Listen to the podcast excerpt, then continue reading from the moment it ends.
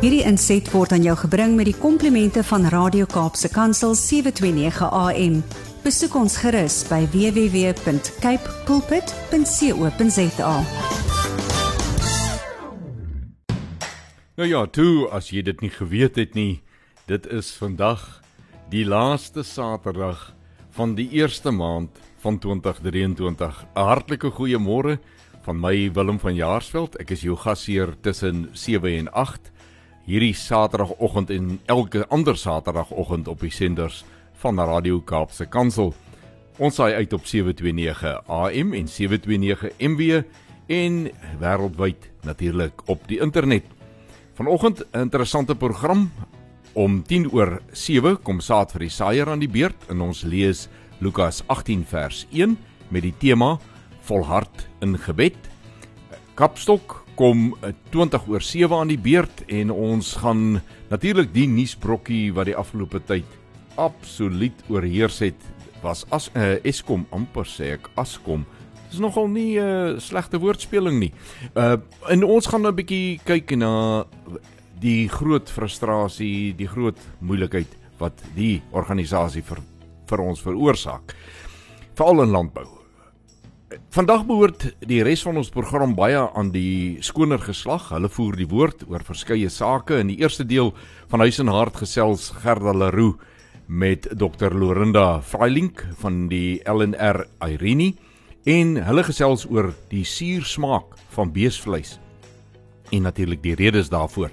In die tweede helfte van Huis en Hart gesels Gerda Leroux met Liamay van der Westhuizen van die LNR se afdeling plantbeskerming oor die pompom onkruid. Ons het nou al verlede week ook 'n bietjie oor onkruide begin gesels. Vanmôre gaan ons aan.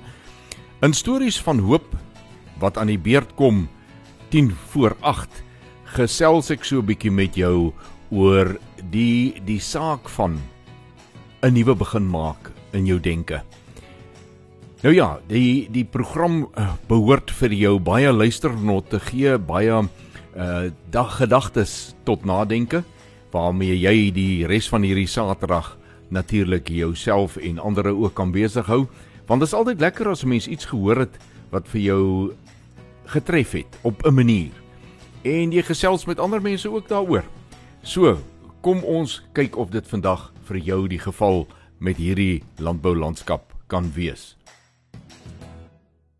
Landboulandskap word aan jou gebring met die komplimente van Cape Pots varsprodukte mark nooi jou om met ons te gesels deur middel van die WhatsApp en Telegram nommer 081 729 1657 of jy kan 'n SMS stuur na 37988.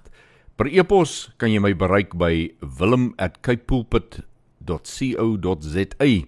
Begin die eerste of die eerste woord van jou boodskap moet wees asseblief landbou. Ons gesels net hierna verder bly ingeskakel. Ons poog om gereeld elke Saterdagoggend met landbou landskap vir jou 'n ervaring te gee van die wêreld van landbou. Nie net die ervaring van die boer en sy mense wat vir hom help om die aarde te bewerk daar op sy plaas of plase nie, maar ook so 'n bietjie 'n kykie te gee in sommer die breë gemeenskap daar buite wat ons noem die boerdery gemeenskap. Vanmôre niks anders as presies dit nie. Ons gaan dit weer so doen. Ons gaan baie klem lê uh, vir môre bietjie op die Eskom palawa wat in ons land nou al wel bekend is, maar dit is nodig dat ons dalk sal empatie en simpatie hê met diegene wat so ernstig daaronder ly en wie se voortbestaan eintlik daardeur bedreig word en dit is ook nie net boere nie. Na die volgende stukkie musiek kom saad vir die saaier aan die beurt en ons lees Lukas 18 vers 1. Dit het nou tyd geword vir ons gedeelte wat ons noem saad vir die saaier. En vanmôre ons tema volhard in gebed. Ons lees Lukas 18 vers 1 en daar staan: En hy, dis met 'n hoofletter, met ander woorde Jesus, het ook aan hulle 'n gelykenis vertel met die oog daarop dat 'n mens gedurig moet bid en nie moedeloos word nie. Nou, jy kan gerus die res van Lukas 18 se eerste gedeelte gaan lees. Dit gaan oor die weduwee wat haar lot by die regter, die onregverdige regter, bly bekla het. Maar Ek wil net vanmôre volstaan met dit wat hier staan. Met die oog daarop dat 'n mens gedurig moet bid en nie moedeloos word nie. Nou wanneer word 'n mens moedeloos? Of laat ek dalk eers vra, wanneer besef 'n mens maar ek moet bid? Dis gewoonlik wanneer die krisis in jou lewe of in omstandighede rondom jou so groot word dat 'n mens op 'n punt kom waar jy weet nou is daar net een uitkoms of een plek van uitkoms en dan is gebed die plek om te gaan. Maar so baie dan besluit ons maar ek gaan so een of twee keer bid oor hierdie saak en dan moet daar 'n uitkoms wees. Maar dis nie wat Lukas 18 vers 1 vir ons sê nie. Hy sê ons moet bid en nie moedeloos word nie. Ons moet aanhou bid. Aanhou bid. Nou ek het al 'n paar maal op hierdie program gevra dat ons op ons gebedslys as jy so iets het, maar hou in jou gedagte wanneer jy bid. Die omstandighede waaroor ons praat, dit help nie ons hoor dinge loop nie lekker nie en daar's baie skroewe los, maar ons doen niks daaromtrent nie en ons kan maklik sê maar ek is te ver van die vuur af. Ek kan nie die vuur blus nie. Nee, gebed het geen grense nie. God se krag het geen grense nie. Dis juis daar waar die oplossings lê. En wanneer ons dink aan om te bid en nie moedeloos te word nie, dan beteken dit om met geloof te bid. Ek weet dit wat ek gevra het sal gebeur. Ek weet nie wanneer nie, maar dit sal gebeur. Kom ons bid saam. Here ons wil vir u vanmôre baie dankie sê dat ons soveel uit u woord put. Vanmôre se les van om te bid en nie moedeloos te word nie is vir ons as gebroke mense 'n geweldige saak. Met die beste van inspanning kry ons dit baie keer reg, maar ons gebed in hierdie môre is, ons kom na U toe en ons vra, Jesus, toe U gebid het, U het in Getsemane gebid. U het onder geweldige druk gebid, maar U het gebid omdat U geglo en geweet het dat daar ook uitkomste gaan wees. Gee dit in ons harte deur U Heilige Gees om ook wanneer ons bid, so te bid. Ons vra dit in u groote naam. Amen.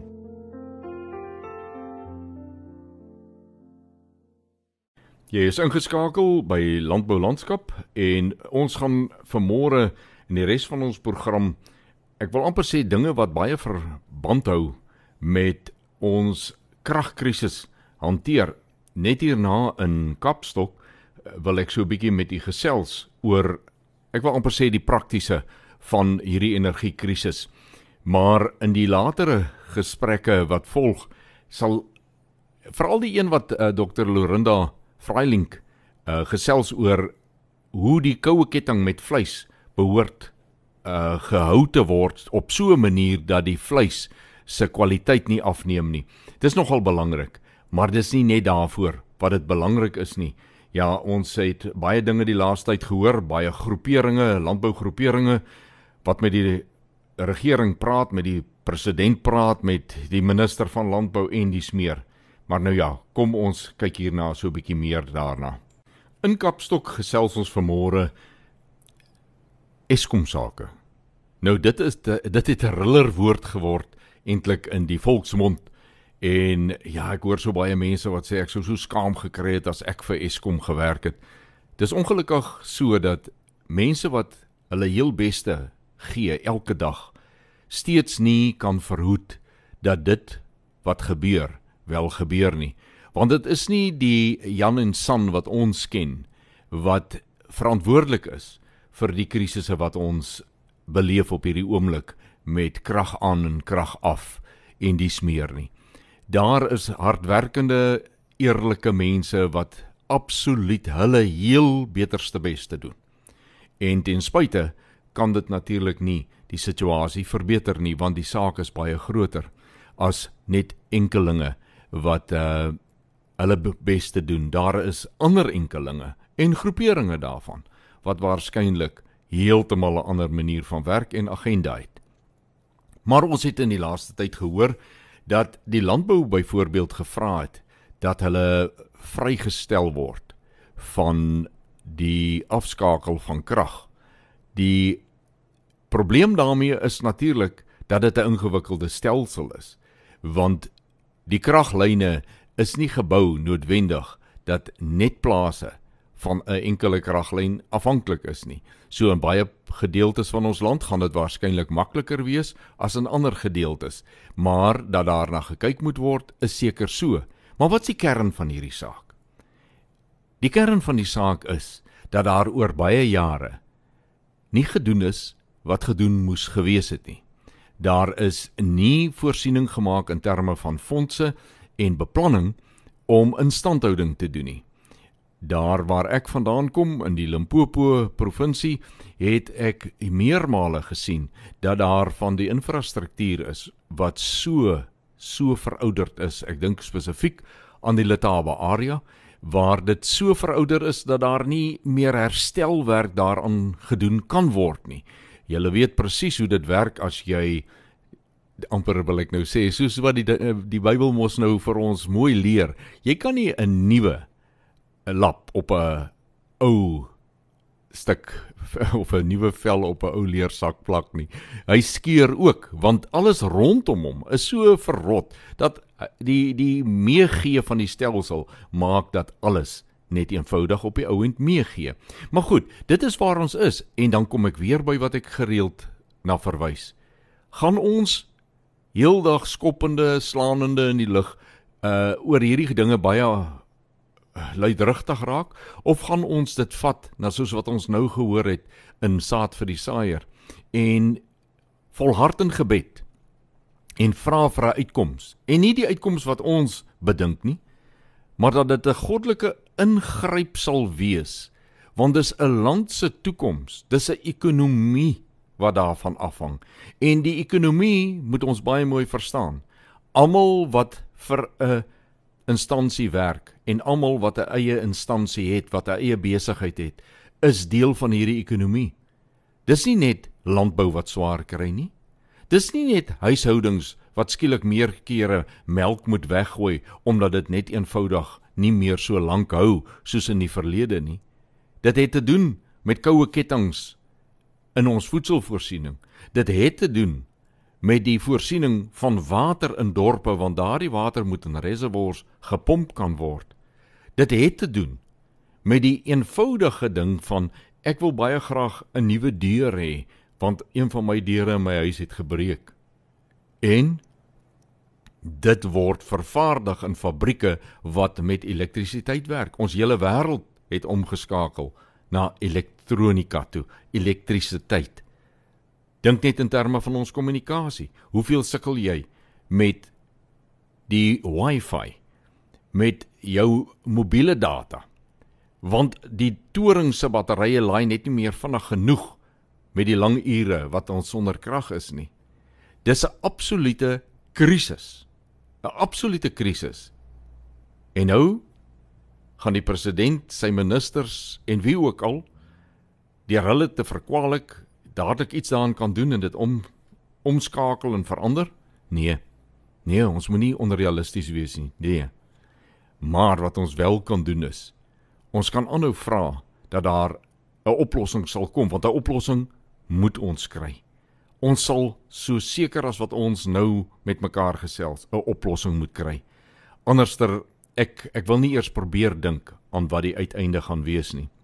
Ja, daar's baie wat ons kan doen van ons kant af om die ding te help regryk. Maar die heel belangrikste vir ons wat wedergebore kinders van die Here is, die kragtigste wapen in ons arsenaal is gebed om te vra dat dit asseblief sal op 'n eind kom en dat daar verantwoordelikheid sal inkom en alles wat verder nodig is om dit gedoen te kry. Ek wil met ander woorde 'n ander hoek op hierdie ding sit. Dit is so ons kan deelneem aan skrywes en dies meer. Maar die heel belangrikste is die woorde wat ons spreek in ons gebed. Dit sal die oplossing bring. Die oorloos het aangestap en ons is op pad na die gedeelte wat ons noem huis en hart en vanmôre gesels twee dames met ons in daardie deel van ons program. In die eerste plek Dr uh, Lorinda Freilink wat gesels oor die suur smaak van beesvleis en ons wat hou van 'n ou ryp vleisie en 'n vakuumverpakte vleisie. Ooh, ek kan ure praat oor hierdie ding want dis iets wat my verskriklik na in die hart lê hoe 'n mens ordentlike vleis ordentlik behandel behandel sodat dit smaakvol uh is wanneer ek hom kan eet uh, na hy ordentlik gaar gemaak is op die regte manier gaar gemaak is en daarmee sê ek nie oor gaar gemaak is nie. Ek sê net hy moet op die regte manier gaar gemaak word. En dan in die tweede gedeelte uh, is die gesprek met uh mevrou van der Westhuizen. En dit is 'n navorser by LNR Pompom Onkruid vanmôre aan die beurt. Ek gesels met Dr. Lorinda Vrailink. Sy is navorser spanbestuurder vleiswetenskappe en tegnologie by die LNR se diereproduksie kampus op Irene. Dr. Lorinda, dis altyd lekker om met jou te gesels. Hartlik welkom. Goeiedag Gerda en goeiedag luisteraars.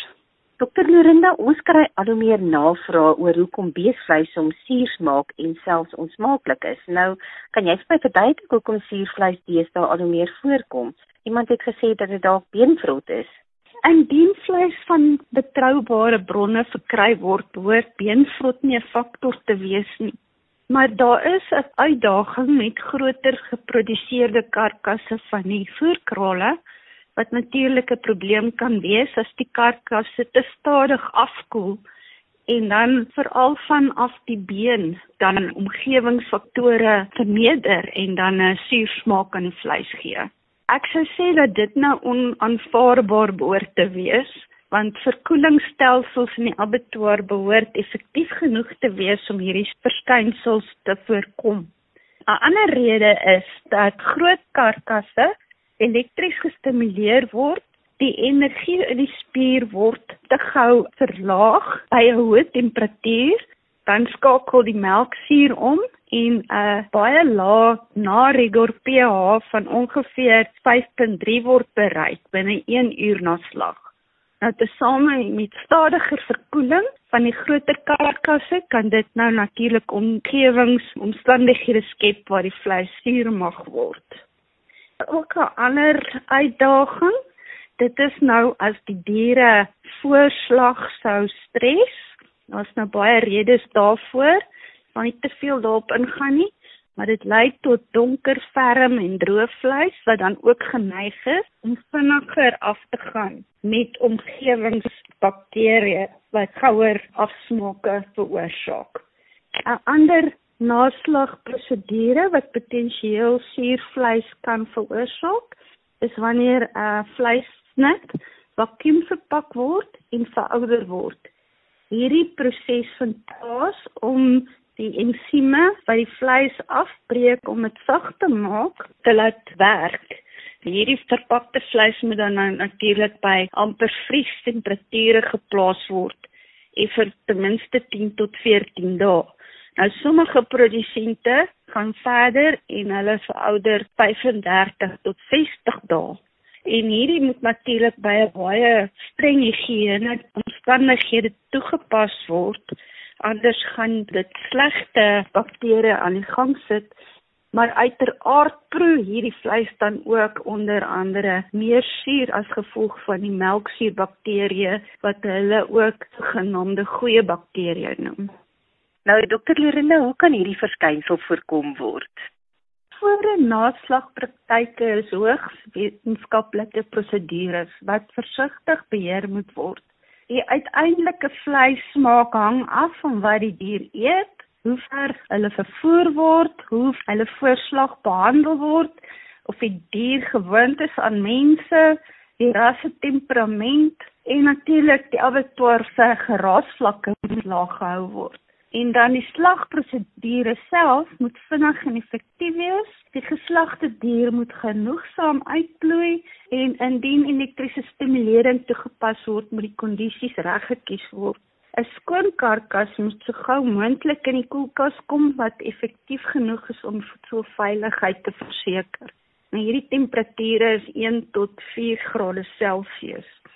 Nou die karkas kan vir 'n paar dae daar so hang en dan ook 'n goeie verouderingsproses deurgaan, maar ongelukkig sal dit ook met vogverlies gepaard gaan. Indien vleisnitte vakuum verpak word, is 14 dae veroudering by minder as 4 grade Celsius. Daar is gevalle waar hulle soos genoem die verouderde vleis tot die limite strek van tot 60 dae na slag. Hierdie vleis het 'n suurmelk of 'n karringmelk smaak, so genaamd. En dit word ook in Engels wet aging steak genoem. En jy kry ook dry aging steak. Nou ek weet nou nie of dit so baie in Suid-Afrika gedoen word nie.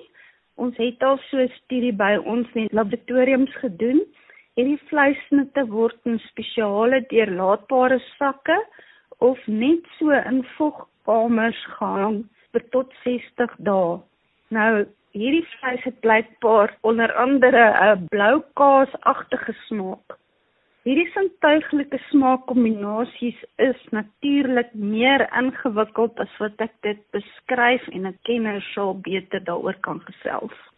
As jy dan nou vandag se gesprek sou opsom, wat sou jy wil beklemtoon? Higiëne is natuurlik 'n groot saak en ek meen by professionele abattoirs en slagpale is dit gewoonlik nie 'n probleem nie.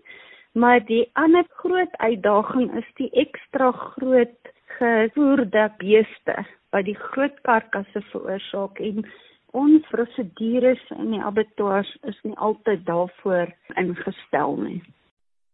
Ek gesels met Lia May van der Westhuizen. Sy's navorser by die LNR Plantbeskerming Onkruidafdeling by Rodeplaat in Pretoria. Lia May, dit is lekker om weer met jou te gesels. Goeiedag Gerda, goeiedag luisteraars. Ja nee, ons is weer terug na 'n jaar praat ons weer oor pompoms ons kan nie genoeg daaroor praat nie. Kom ons kom weer net op datum. Vertel vir ons luisteraars waar kom hierdie onkruid vandaan en wat is die verspreiding in Suid-Afrika? Gada, die onkruid kom oorspronklik van Suid- en Sentraal-Amerika. So dis meer Argentinië, Brasilië, Uruguay, Paraguay, daai deel van die wêreld. En ons het eintlik in Suid-Afrika vir die eerste keer in 1960 in Durban was daar aantekening oor die plant gewees, maar eers in die 70 en dit vir ewig in Pretoria aangemeld en opgetel. En dit was amper basies meer swymerend vir omtrent 30 jaar, maar die laaste dekade het ons gevind dat die verspreiding van die pompom omtrent verdubbel het. En die provinsies wat die meeste deurloop op hierdie stadium is basies maar Gauteng, die Noordwes, Limpopo en Mpumalanga en dan groot dele van KwaZulu-Natal, veral die noorde van KwaZulu-Natal en slegs klein aanmeldings is in die Wes-Kaap. So die groot deel van die besmettings is maar ongelukkig Gauteng Noordwes en Mpumalanga op die stadium. Ja, my, wat is die eienskappe wat die pompom so effektiewe indringer maak? Gaan ek dink dit is belangrik om net altyd te onthou met indringersplante, nie alle uitheemse plante word indringers nie. En gewoonlik wat die uitheemse plante kom sonder hulle natuurlike vyande in die land in. So in die land van oorkoms en oorsprong sou die getalle gewoonlik natuurlik beheer gewees het deur natuurlike vyande, insekte, patogene. Maar as hulle in ons land inkom, word hulle gewoonlik sonder daai komponent ingebring en dit gee hulle al klaar 'n bietjie van 'n voordeel bo die natuurlike plante groei. Maar in die geval van pompom, een van sy groot eienskappe wat hom nogal maak om uit te staan in die grasvelde veral is omdat sy groeipunt net onder die grondoppervlak sit. So dit beteken tipies dat hy bestand is teen hoëveld brande en ryp wat gewoonlik in die winter voorkom. En dan as mense wat dalk al pompe probeer uithaal het, sou gesien het dat hy 'n sulke vingeragtige vleesige wortels het wat dien as stoororgane en dit kom natuurlik ook ondergronds voor en dit gee hom daai voordeel om vroeg in die seisoen uit te kan kom voordat die gras nog regtig eers begin om weer uit te loop, kry ons dat die pomp om reeds uitkom. En dan die natuurlike doodsteek van die hele indringing van pompom is sy vermoë om saad te produseer en dan bo alles nog saad wat deur die wind versprei word. En ons het deur studie is daar vasgestel dat per hektaar as daar redelike digte stand van pompom is, kan mens per seisoen so iets soos 800 miljoen sade per hektaar kry. Dit is 'n ongelooflike hoeveelheid saad. En op die einde kan ons verwag dat omtrent 270 000 van hierdie saad wat geproduseer gaan dan volwasse plante word. So dit is 'n redelike groot probleem wat ons mee sit met die pompom. En dan verder floreer die pompom natuurlik in areas waar daar veral verstoring is. En dit kan wees enigiets van landbougronde wat bewerk word of leeg lê en nie meer bewerk word nie langs paaie, treinspore, die klas van ding. Maar dit is belangrik om ook te onthou dat die pompom nie afhanklik is van versteuring. Hy kan ook in uitstekende goeie toestand grasvelde ook tot stand kom. So hy's nie 'n pionier spesies nie. Hy het die vermoë om ook in baie goeie toestande wel in veiding te kan inkom. Wat is die impak wat hierdie pompom het op ons natuurlike grasvelde en ook in vlei lande? Wel die pompom, die basiese grootste bedreiging wat hy het is natuurlike grasvelde se wanna vlei lande soos jy noem. En dan moet ons miskien dalk ook net so trappie terug gaan en dink dat ons grasveld bioom in Suid-Afrika is die tweede grootste bioom. En dit beslaan omtrent 29% van die oppervlak van Suid-Afrika en is een van die mees bedreigde biome en slegs van die 30% van hierdie grasveldbiome is reeds getransformeer en sal nooit weer kan herstel word nie en dit is eintlik ook skokkend om te weet dat net 2% van ons grasvelde tans onder bewaring is. En omdat dit nou basies juis die fokus is waar pompom indring, is dit van groot belang dat ons moet dophou en seker maak ons probeer alles doen om die indringer uit ons grasvelde uit te hou of te beheer waar ons kan. En dan moet die mense ook net baie keer hou, dink mense in terme van grasveld as grasveld is net grasspesies, maar natuurlik is daar nie net grasspesies nie, daar's ook breëblaar spesies wat in hierdie gebiede voorkom wat natuurlik die biodiversiteit nog meer uniek maak. En ongelukkig baie keer as gevolg van swak bestuur word hierdie plastisiteit, die natuurlike plastisiteit van hierdie bioom word verlaag. En dan kan hy nie meer so effektief teen indringer spesies 'n buffer en dan kry ons dat die spesies al meer inkom weens die verstoring en die swak bestuur. En dan kry mens ook natuurlik dat vir al die veeboere en die kleinboere wat dan afhanklik gaan wees van hierdie grasvelde vir natuurlike weiding, gaan groot finansiële inkomste en verliese hê omdat ons natuurlik die draagkrag van so 'n area ook redelik afbring weens die indringing van die pompomplante. Watter beheer opsies kan ons toepas die tyd van die jaar? Ongelukkig hierdie tyd van die jaar is daar baie min wat mense kan doen. Buiten as jy 'n klein infestasie het en jy sien die blomme vir die eerste keer kan jy die blomme wel sny en verwyder. Maar ongelukkig vir biologiese beheer is dit reeds te laat in die seisoen om regtig te kan verwag om effektiewe vestiging te kan kry van die insekte. So ek wil eintlik al meer vra dat mense hierdie tyd moet gebruik vir bewusmaking en bewuswording om te kan op jou grond, op jou eiendom of selfs as dit mense is wat nie grondeienaars is nie.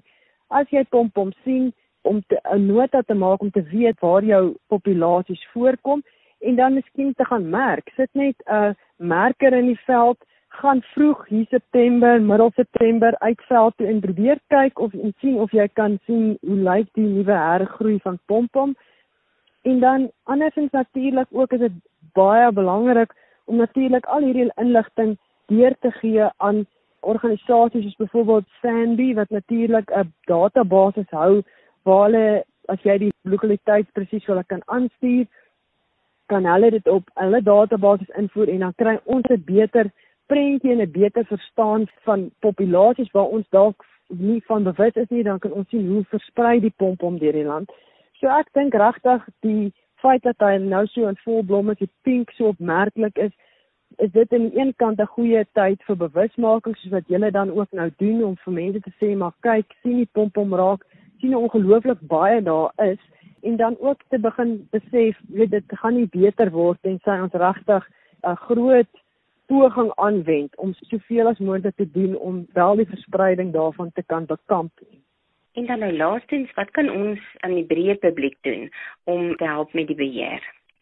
Dit is altyd my ironies dat ons hierdie tyd van die jaar juis nou die pragtige pink het want ek weet dit is gewoonlik nogal 'n uh, storie as mens van Valentynsdag vergeet het en jy ry so van Oliver Tambo af terug Pretoria se kant toe en jy besef jy het nooit blomme gekoop nie en jy stop vinnig en klikke bossie pompom dis hierdie tipe goedjies wat die plant versprei. Weet mense wat dink dit is 'n mooi blom dit is 'n mooi blom maar die versprei die pluk en die verspreiding daarvan. Mense wat baal langs die paaie wat dit wat dan ook die saad so verder versprei.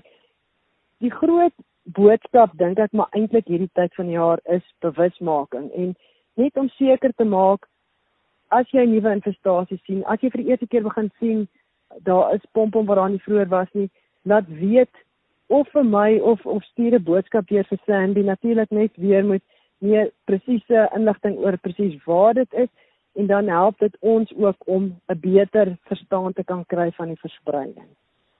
Wat is julle kontakbesonderhede as daar van ons luisteraars is wat meer inligting verlang? Gada, hulle kan myself kontak by van die Westhuizen L @irc.greek.za.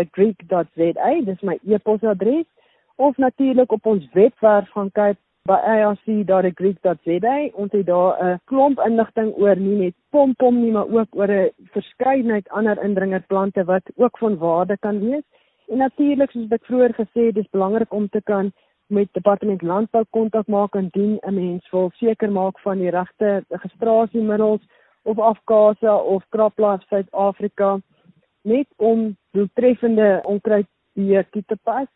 En dan het departement omgewingsake natuurlik ook biodiversiteit mense wat werk met nie net indringerplante nie, maar ook indringer spesies wat diere ook insluit. En indien mens net in 'n spesifieke gebied een van die biodiversiteitsmense kan kontak, kan hulle julle ook dan natuurlik in verbinding sit met die regte mense om te kan help kry.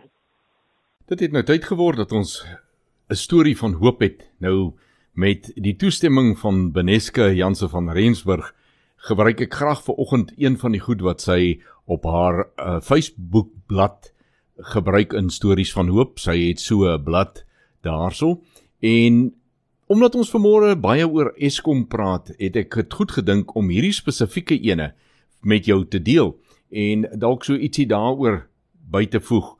Ek gaan dit vir jou woordeliks gee soos wat sy dit geplaas het. Sy skryf: In Desember, 'n dag na Andre de Ruyter, uitvoerende hoof van Eskom se bedanking, het iemand hom met sianiet probeer vergiftig. 'n Klein hoeveelheid is in sy koffie gegooi. Nadat de Ruyter dit gedrink het, het hy bloedrooi in sy gesig uitgeslaan, begin braak en gesukkel om asem te haal. Sy veiligheidspersoneel het hom na die hospitaal gehaas waar sy lewe gered is. Sianiet verhoed enige opname van suurstof in ons liggame. Een kapsule is genoeg om ons dood binne minute te veroorsaak as ons nie noodbehandeling kry nie. Die nuus van die ruiter het my laat dink aan hoe Satan ons ook daagliks probeer vergiftig in aanhalingstekens. Hy gebruik nie sianiet nie, maar negatiewe gedagtes. Aanvanklik dink ons nie dat dit gevaarlik is nie. Tog, as ons dit nie stop nie, verander dit vinnig in bitterheid, aanstoot, haat, verwyte en selfs depressie. Soos die sianiet suurstofopname verhoed, verhoed negatiewe negativiteit dat ons enige mooi in die lewe raak sien en verseker ook dat ons geen hoop in ons harte kan opneem nie. In Spreuke 4 vers 23 lees ons: Wees veral versigtig met wat in jou hart omgaan, want dit bepaal jou hele lewe. In Efesiërs 6 word ons herinner om daagliks die helm van verlossing as deel van die wapenrusting op te sit om ons gedagtes te beskerm. In 2 Korintiërs 10 verse 4 tot 5 staan geskryf: Die wapens van ons stryd is nie die wapens van die mens nie, maar die kragtige wapens van God. Ons neem elke gedagte gevange om dit aan Christus gehoorsaam te maak. Dan in Filippense 4 vers 8 word ons herinner aan wat ons wel op moet fokus. Alles wat waar is, alles wat edel is, alles wat reg is, alles wat rein is, alles wat mooi is, alles wat prysenswaardig is, wat watter deeg of lofwaardige saak daar ook mag wees, daarop moet julle julle gedagtes rig. Sianiet kan ons dood veroorsaak. Net so kan negatiewe gedagtes mettertyd veroorsaak dat ons nie meer 'n lewe in oorvloed in oorvloed smaak nie. Kom ons dink 'n slag weer waaroor ons dink en neem enige negatiewe gedagtes betyds gevange. Nou ek het regtig waar in my gees gevoel dit wat ek hier sien, dit wat ek lees resoneer so met my. Want dit is nou al van verlede Saterdag uh, verlede Saterdag af wat ek met u as luisteraar gesels oor hierdie ding van hoe hoe ons uh dinge sien uh, bid ons daaroor of uh, lag ons daaroor uh word ons kwaad daaroor of wat ook al die geval is maar die heel belangrike is dit het ons vanmôre nou by herhaling in hierdie program al aangeraak en dit is om daaroor te bid. En dan wil ek by Beneska aansluit en sê ja, waar is my gedagtes baie dae? O aarde, as ek my weer kom kry, dan het ek 'n saak geanaliseer en ek het gekyk na oorsaak en gevolg en ook sommer wie is verantwoordelik daarvoor en dan lyk die gevolge van hulle dade vir my so strafbaar met ernstige strawwe ensovoorts ensovoorts. Dis nou in 'n mens se kop. Maar dan is die vraag wat ek myself dadelik moet vra is: wie is jy? Is jy regtig regtig daarom om op die oordeelstroon te sit en na ander te kyk en hulle maniere te wil beoordeel en sommer straf uit te deel? En dan moet ek in skaamte my kop laat sak en sê nee. Dis nie waarvoor ek geroep is nie. As ek wil roem, dan moet ek roem in hom wat die vermoë het om 'n verskil te maak. Roem in hom en sy krag, sy alomteenwoordigheid. Soos wat ons verlede week duidelik gelees het. Daar is dis belangrik dat ons nie sal roem in ons wette in ons ek wil amper sê organisasies en dis meer. Ja, dis alles nodig vir 'n goeie samelewing. Maar die heel belangrikste is om te be besef ons is kinders van die Allerhoogste God, die koning der konings. En soos wat sy seun ons kom leer het om gehou in gehoorsaamheid te stap en alles aan hom oor te laat. Die Vader van die ligte om dit aan hom te gee dis waar ons moet wees. Ek wil jou daarmee laat.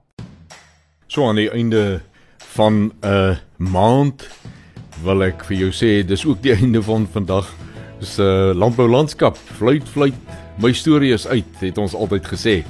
Ja, Radio Kaapse Kansel nooi jou om volgende Saterdag tussen 7 en 8 hier by ons aan te sluit vir nog 'n landskap kuiertjie. Dit is vir my altyd lekker om uh, met jou te gesels. Of jy nou luister of jy nie luister nie, ek gesels met die wat wil luister. Baie dankie aan Cape Pots varsprodukte mark wat landbou landskap vir ons moontlik maak.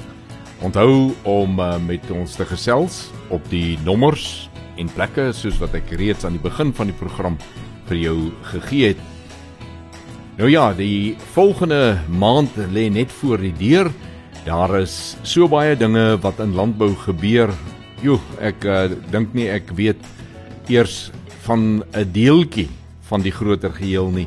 Maar ja, daar gebeur vreeslik baie dinge. Ons kan nie oor alles hier praat nie. Ons haal ook maar hier en daar 'n brokkie uit om met jou te deel, maar weet net, dis 'n lewendige wêreld daar buite. Dis droogte, dis reën, dit is allerlei dinge so slegte paaie en krag wat ons 'n probleem het. En dis meer en dis meer en al wat ek vra is, kom ons hou aan bid. Tot ons weer saam kuier volgende Saterdag. Groet ek Willem van Jaarsveld en mag jy elke oomblik Vader se guns op jou lewenspad beleef wederom.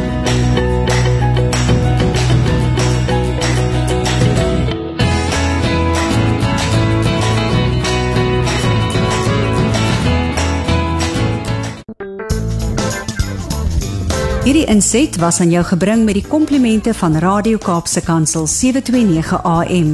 Besoek ons gerus by www.cape pulpit.co.za.